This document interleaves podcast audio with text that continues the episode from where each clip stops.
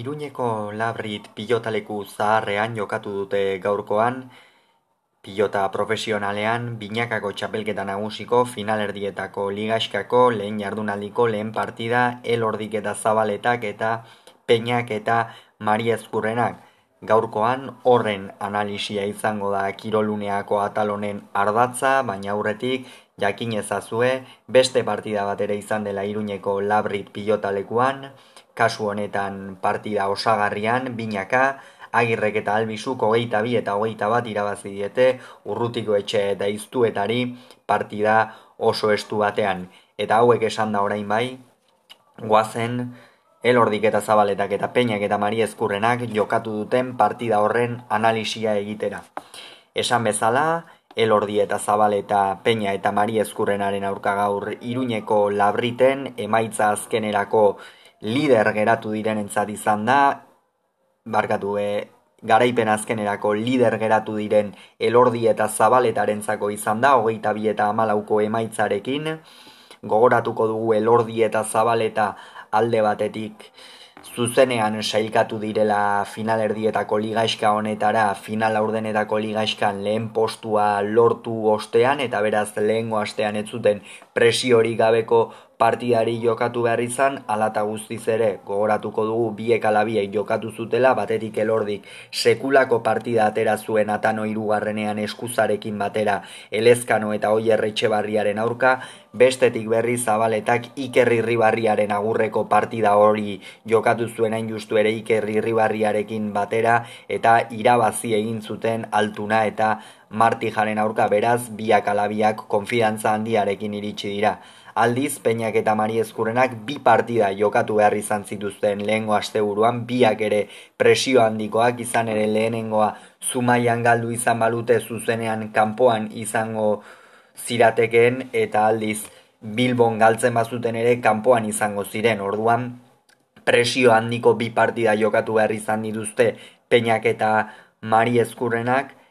batetikan zumaian urrutiko etxea eta albisuri erraz irabazi zieten eta igandean bilbon ere peio etxe berriari eta rezustari erraz irabazi zieten eta beraz asteburuan nagusi izan ziren. Nik uste ordea, lehengo asteburukoak gaurkoan eragin handia izan duela, izan ere lehengo astean hainbesterainoko presioarekin jokatzeak ez du neke fisikoa bakarrik ekartzen. Mentala ere ikeragarria da. Asteburu osoa horri bueltaka ibiliko ziren ez zuten lasai pasako larun bata. Atsedena eduki zuten egun bakar hori esan dezagun atsedena ziura aski kakotxen artean izango zela. Kontua kontu gaur kantxaratu dira eta esan beharra dago partida orokorrean gorriek dominatu dutela. Baina ez emaitzak dirudien bezain nabarmen izan ere, bai partida aseran, gorriak joan egin dira, ikusi dugu zabaleta oso on bat, mari ezkurrena ere ematen, baina ziurtasun gutxirekin, peinak ere etzuela esmatzen, eta orokorrean ez da, ez da partida, bete-beteko partida, izan ez du inor aparteko erakustaldirik eman eta horregatikan partida oso taktikoa izan da gaurkoa batez ere aurrelariek pazientziarekin jokatzeko horietakoa. Eta nik uste hori izan delagakoa izan ere, peinari askotan pazientziarekin jokatzea kostatu egiten zaio, kostatu egiten zaio. Eta gaurkoa naiz eta zuzenean ez den alakorikan ikusi, nik uste peinari horrek ere erasan diola, pazientziarekin jokatu beharreko partida hori izateak eta behar bada erasorako beste askotan baino aukera gutxiago izate horrek ez da, elordik aldiz guztiz kontrakoa. Oso ongi irakurri du partida, oso ongi zekien zeintzen gaurkoan bere rola, zabaletarekin horregatik osatu dute hainbikote erregularra lehen fasean zehar elordik oso ongi irakurri duelako zer den zabaletarekin jokatzea, eta babak eltzetik atera behar izan dituenean atera ditu maia biharrak eta zabaletak berriz sekulako partida egin du. Zergatik egin du sekulako partida zabaletak? Ba, beno, atzean mariezkurrenak dominatzen zuenean ia beti pilotak entzen zion eta egon dira une batzuk non Jon Mariezkurrenak epelak eta bi eman dizkion pilota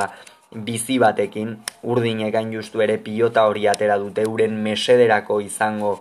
zelakoan, baina Mariezkurrenak epelak emanda ere gogoratzen dut pilota bat zabaletak erreboteko zulotik nola atera duen. Ikeragarria izan da jauzi eginda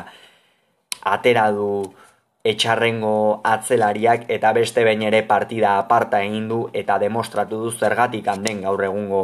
atzelaririk onena. Horren ondorioz, joan egin dira elordi eta zabaleta, eta peinak eta mari ezkurrenak horren ostean tantoia da interesgarri bat egin duten arren, gero berriz ere mari ezkurrena beste pilota bat galdu du, eta hortikan aurrera elordi eta zabaleta erraz joan dira ez. Beraz, hemen ikusi da alde batetikan elordik eta zabaletak patxara gehiagorekin jokatzen diren partida hauek, hobeki irakurtzen dituztela eta peina eta mari ezkurren ari berriz asko kostatzen zaizkiela. Eta beraz elordik eta zabaletak oso ongi eraman dute euren gunera gaurko partida eta peinak eta mari ezkurrenak partidaren une garrantzitsuenetan ez dute jakin hori horren aurka nola, nola jokatu eta horren ondorioz ba, porrota jasan behar izan dute, alata guztiz ere amalau tantu egin dituzte, ikusiko dugu bihar gazteizko hogeta pilotalekuan lasok eta imazek eta altunak eta tolosak jokatzen duten partida horretan galtzaileak zenbat tanto egiten dituen, baina amalau tanto ere ez da ina inain kopuru eskasa, alata guztiz ere urrengo partida derrigorrean irabaztera behartuta daude peina eta, peina eta mariezkurrena finalerako aukerarikan izan nahi baldin badute,